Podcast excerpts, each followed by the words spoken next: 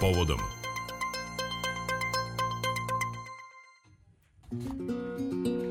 Deseti sati, 8 minuta, u prepodnevnom programu stigli smo do rubrike Povodom, u kojoj vas informišemo o tome da je januar mesec prevencije trgovine ljudima i tim povodom je juče u Novom Sadu organizovana konferencija o suzbijanju trgovine ljudima u Srbiji. E, šta kažu podaci? U 2021. godini je u Srbiji identifikovano 46 žrtava trgovine ljudima, u 2022. taj broj je već premašen. Uglavnom se radi o domaćim državljanima koji su eksploatirani eksploatisani u Srbiji, ali svake godine identifikuje se i nekoliko stranih državljana i državljanki, ljudi koji su eksploataciju doživali na svom putu bežeći od rata, siromaštva i nejednakosti. Čak 80% žrtava su žene. Oporavak svih koji su preživeli trgovinu ljudima jako je dug i težak, a neuporedivo je teži za žene koje dolaze iz izbegličke populacije. Kakve su politike zaštite žrtava i pomoći, šta o tome misli jedna od preživelih skrivenih skrivenog identiteta, ali jasnog stava. Sve ćete to saznati u priči Milice Kravićak Summit. Inače, simbolično ime glavne akterke u ovoj priči je Kelorina Skarabej. To predstavlja kombinaciju imena dve vrste buba čestih u Istočnoj Africi, odakle devojka koja je preživela trgovinu ljudima i potiče.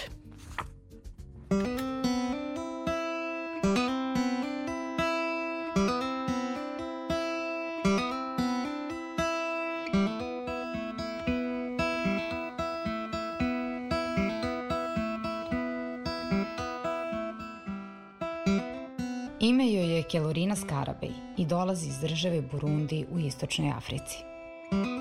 Da, mora je to biti dug hod i let do Srbije. Trenutno je u Beogradu čeka da dobije azil od septembra 2019. godine i još je u procesu. Do sada je u Srbiji boravila u tri kampa – ali već dve godine živi samostalno u stanu u Beogradu i ima svoj posao. Radi u call centru.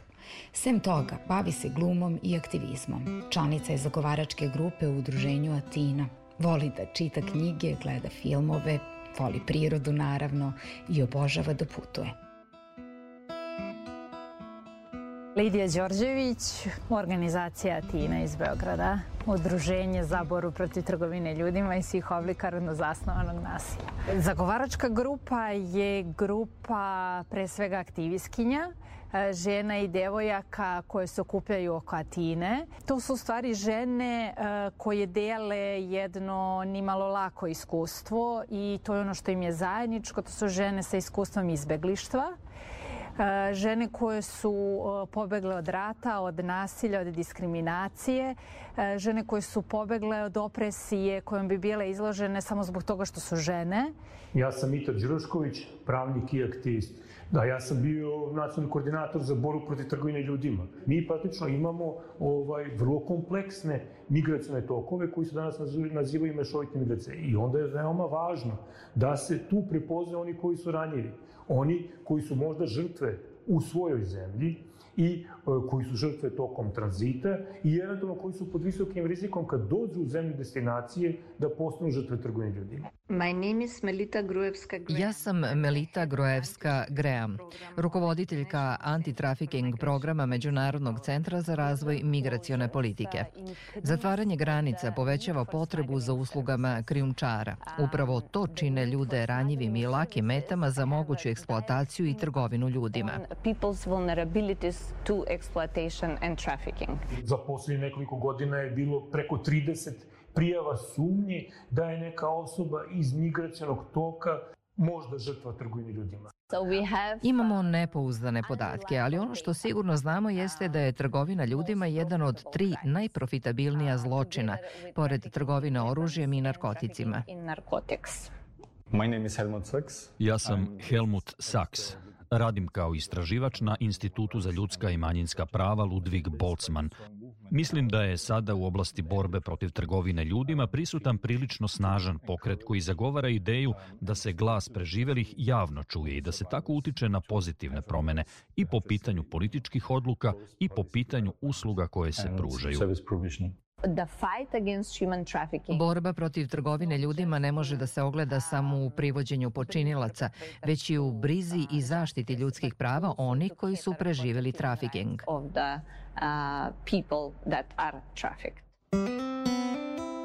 Kelorina je devojke iz udruženja Atina upoznala u Centru za azilante u Banji Koviljači gde je posećivala njihove radionice. Kada su joj predložili da postane članica zagovaračke grupe, oduševila se. A zašto je važno da sve one koje dolaze iz daleka poput nje učestvuju u donošenju odluka u drugoj zemlji?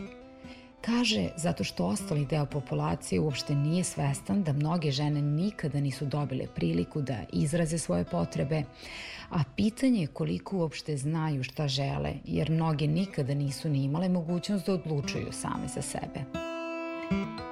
E, prima što nastavimo razgovor, mogu da vas zamolim da, da skinete jaknu? Da skinem svoje cipele? Skinite jaknu, molim vas, ako možete.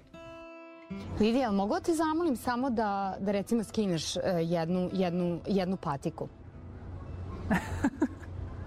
ne, ne moraš da je skineš, ali me je zanimala tvoja reakcija. Koliko su takvi zahtevi uh, česti za osobe koje ono, migriraju, beže od rata? E, mnogo gori, to su zaista teške situacije i to je ono što kažemo da e, da mnogi to ne mogu ni razumeti ni shvatiti i teško je staviti se u tuđe cipele. Nažalost, migranti borave u mnogo težim prostorima i mnogo nezahvalnijim prostorima nego, nego što je ovaj. Vrlo često su izloženi nasilju i to drastičnom nasilju, da ne kažem torturi i tu postoji elementi, možemo da razmišljamo čak i o slučajima odnosa sličnog ropstvu. Kada govorimo o trafikingu i eksploataciji, tu se uvek radi o zloupotrebi moći i uvek je u pitanju situacija gde je neko na jačoj poziciji moći, da li zbog toga što je muškarac ili ima više godina ili slično. Sve su to razlozi koji trafikovanu osobu čine nesigurnom.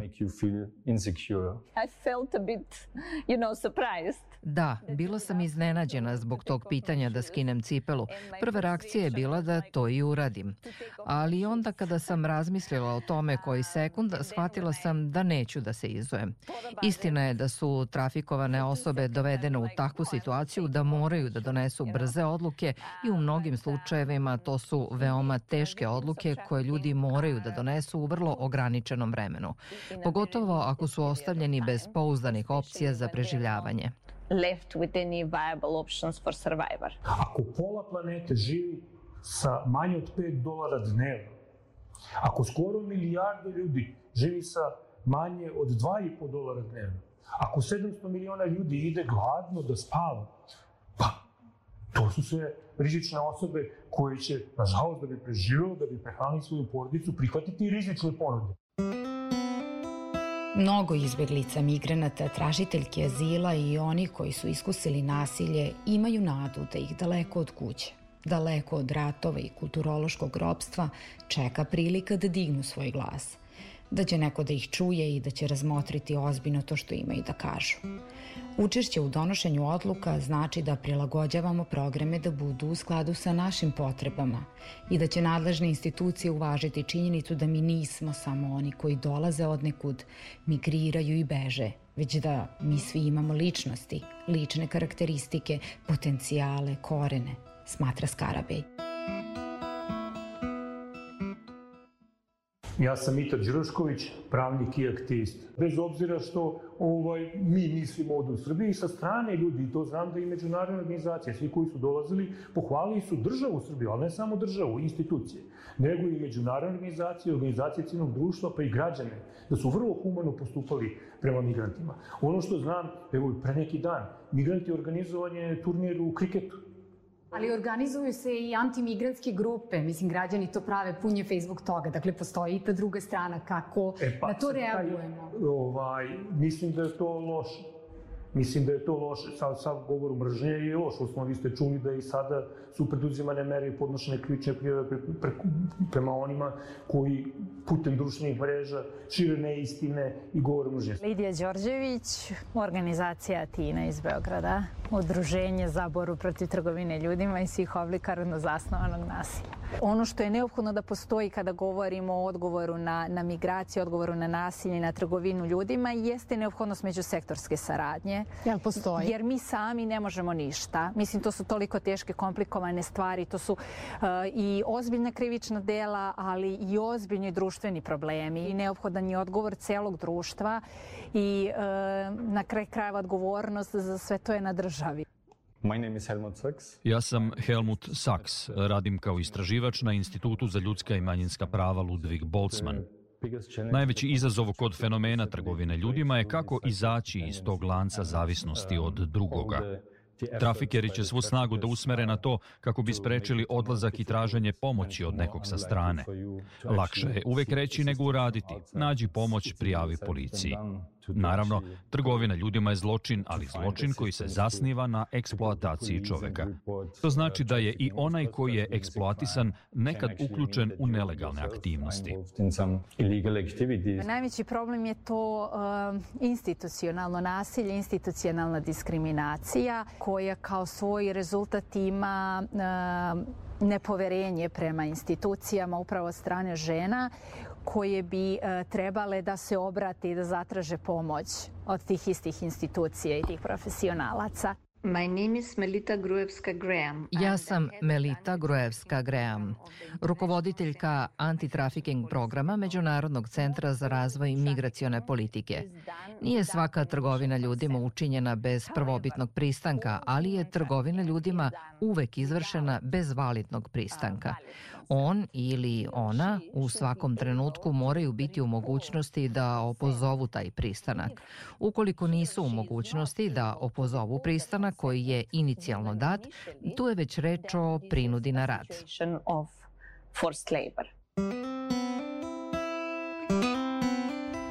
Pre nego što je postala članica zagovaračke grupe, mogla je da se osloni samo na sobstveno iskustvo ali nakon što je čula iskustva drugih, koje poput nje dolaze iz daleka, shvatila je da su svima želje i potrebe iste, da pronađu mesto gde će ih prihvatiti, uvažiti, ceniti, poštovati i, što je najvažnije, prepoznati, ne samo kao izbeglicu ili migrantkinju, već kao kompletnu ličnost. Učešće u zagovaračkoj grupi upravo zbog tog osjećaja zajedništva i razgovora za nju je postalo jako važno. Sa aktivizmom Kelorina je dobila priliku da napravi vidljive promene, ne samo za sebe, već i za druge koje su došle u Srbiju. Baš zbog toga vidi aktivizam kao način da se, s jedne strane, unapredi sistem zaštite za sve izbeglice i migrantkinje u Srbiji, a sa druge strane to vidi kao put ka konačnoj integraciji. Vrlo dobro zna i svesna je da dolazak do cilja neće biti lak, ali veruje da su promene moguće i da je to vredno borbe. It's not just enough to listen to the victims. Nije dovoljno da samo čujemo njihove glasove i učimo iz njihovog iskustva. Mi moramo preživele da imamo kao deo odgovora na problem. Na evropskom nivou, nažalost, ne postoji koordinisana akcija da se uključe glasovi preživelih. Morali bi biti ravnopravno uključeni u osmišljavanje antitrafiking politika i mehanizama borbe, čak i kao direktni pomagači u pružanju pomoći i pružanju zaštite drugim žrtvama trafikinga. I ono što bi trebalo obezbediti uh, svakoj žrtvi u Srbiji, to je prvo siguran, bezbedan smeštaj, uh, psihološka podrška, medicinska pomoć, um, materijalna podrška, ukoliko je i e, sudski postupak u toku pravna pomoć i podrška. Osnivanje posebnog fonda za žrtve, to je nešto na čemu radimo već deceniju unazad, ali nije, nije do dana današnjeg sistemski rešeno, niti je pronađen modalitet kako bi e, to moglo da, da se e, primeni i realizuje. Mislim da je sada pravilo da se u sudskom postupku dodeljuje status posebno osjetljivog svedoka. To je posebno značajno upravo zbog svih, zbog informisanja žrtava o njihovim pravima. A jedno od pravima je, jedno od prava je i e, pravo na naknadu štete. Što se tiče pravnog okvira, mislim da je on prilično usavršen sa međunarodnim dokumentima, čak i prevazilac. Mi smo dobili novu instituciju koja ne sad samo da brine i o sprovođenju i o zaštiti ljudskih prava domaćih državljana, nego posebno i vodi računa o implementaciji tih međunarodnih propisa i poštovanju ljudskih prava trgovine ljudima. Znači dobili smo instituciju nacionalnog izvestioca. To je nešto što je, što je odličan uh, zakonodavni pristup. As a former Greta expert, Kao bivši Greta stručnjak, a to je telo Saveta Evrope za nadgledanje antitrafiking politika, kako komentarišete činjenicu da Srbija trenutno nema nacionalnog koordinatora za borbu protiv trgovine ljudima, jer je gospodin Mitar Đurašković otišao u penziju ovog avgusta? Zar to nije nešto što je moglo da bude lako izbegnuto? Definitivno.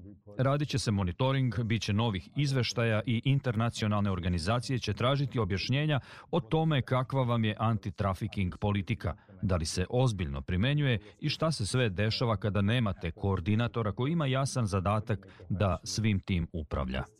Big picture and a clear task to coordinate actually nekako najveći propust do dana današnjeg našeg sistema jeste što mi uh, gasimo požare i što mi reagujemo tek kada uh, dođe do eksploatacije. Efikasnije reagovanje kada se tiče i organizacije same podrške i procesa identifikacije žrtava kod nas. Znači dok ne bude okončan sudski postupak koji nažalost e, može trajati jako dugo, čitav proces e, oporavka je nekako paralisan e, i, i dosta oporavak zavisi od tog postupka. Koliko dugo može da traje taj postupak? Godinama. Godinama i onda imamo i presude koje se vraćaju na ponovno suđenje gde se one i nakon 3, 4, 5 godina ponovo pozivaju da kada izgrade svoj, e, svoj novi život, krenu od početka, uzmu svoj život u svoje ruke, dobiju taj poziv koji ih posle 5-6 godina može vratiti upravo na ono stanje psihički koje je bilo e, pre, pre tog,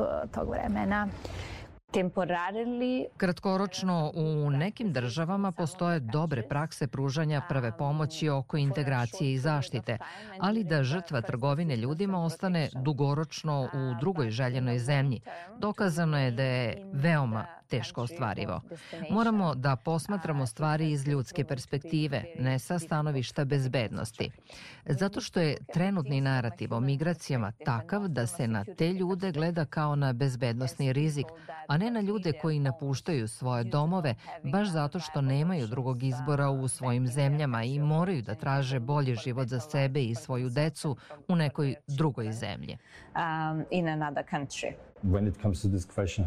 Kako da prebrodimo razlike između teorije i prakse? Imamo dobro razrađene ideje, nezavisne mehanizme za borbu protiv trgovine ljudima koji zaista mogu da potvrde da li su usvojeni strategija i određeni zakoni, ali kako to sve funkcioniše u praksi?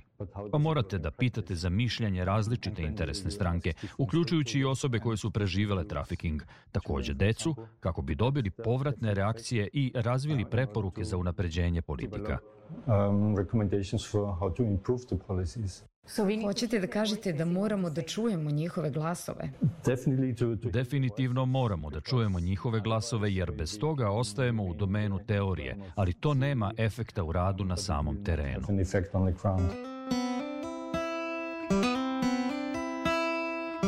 Na osnovu svog i iskustva iz zagovaračke grupe, Kelorina Skarabe došla je do nekoliko važnih zaključaka. Prvo, Svi moraju da imaju ostvareno pravo na tačne informacije o procesu dobijanja azila, a to se odnosi na obrazovanje, posao, medicinsku pomoć i sl. I ona sama je bila u zabludi. Drugo, proces je predug i to mora sistemski da se promeni, što je posebno problem za one žene koje počinju život iz početka u Srbiji.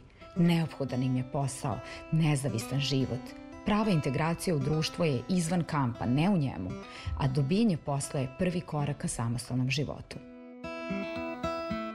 Treće, čekanje konačno odluke o dobijanju azila. Kelorina Skarabe je upoznala ženu koja je došla iz Afganistana i koja je posle četiri godine dobila odgovor. Zahtev za azil odbijen. Ima dvoje dece, radila je, gradila život i čitav njen svet u trenutku je stao. Morala je da napusti zemlju u roku od 30 dana. to sve koji čekaju na azil ostavlja bez teksta. Dalje, ženama je potrebna specifična pomoć kako bi mogle da se fokusiraju na lični razvoj, daleko od dnevne rutine. Život u kampu nije realan život.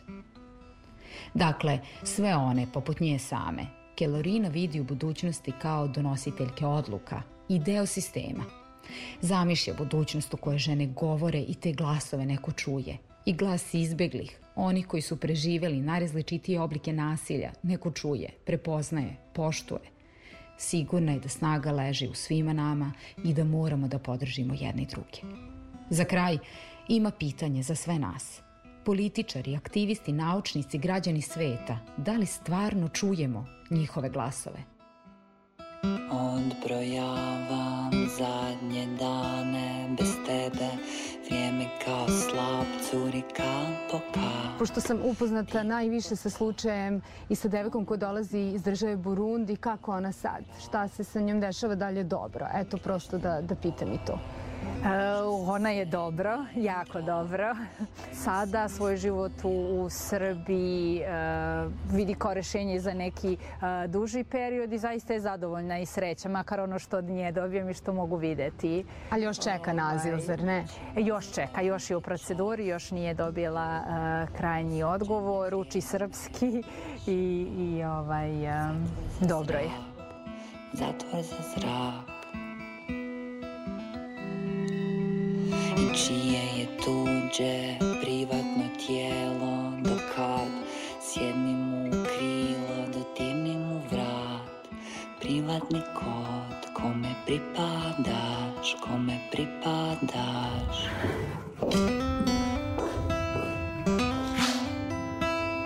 Pa da ja skinem teret Kako sam i sama postala migrantkinja pre godinu dana, kad sam se preselila u Sloveniju, shvatila sam da to nije lako. Počela sam da razmišljam intenzivno o tome kako onima koji pređu hiljade i hiljade kilometara Kao što smo čuli, na tom svom putu susretnu se neretko sa krijumčarima ljudi, takođe i trgovcima ljudi.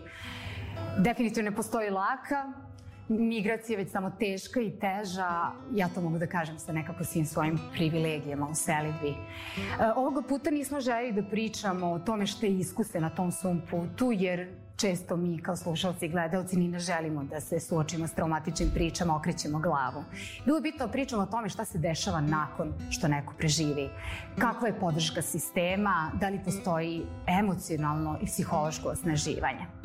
Iako sam više od šest meseci pokušavala da zakažem e, javno svetočanstvo osobe koja je to preživala, koju znam od ranije, nisam u tome uspela, jer osoba koja ima svaki dan ona egzistencijalna pitanja nad glavom, gde će sutra da živi, kako će da nađe posao i nauči jezik u drugoj kulturi, stvarno ne razmišlja o medijskom eksponiranju i to je možda i dobro. Jer mi kao mediji nismo svesni posledica koje to ima po nju, dodatne i retraumatizacije i prosto predrasuda koje javnost može da ima. Nadam se da ipak to sve stiglo do vas i njoj je posvećena ova priča, a vama hvala što ste je saslušali.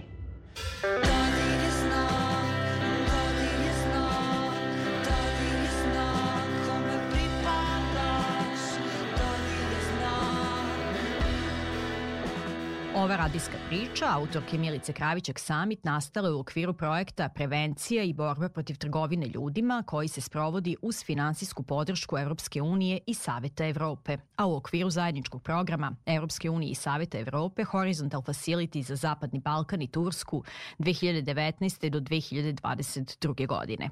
Stavovi koji su u njemu izraženi ni u kom slučaju ne predstavljaju zvaničan stav Evropske unije i Saveta Evrope.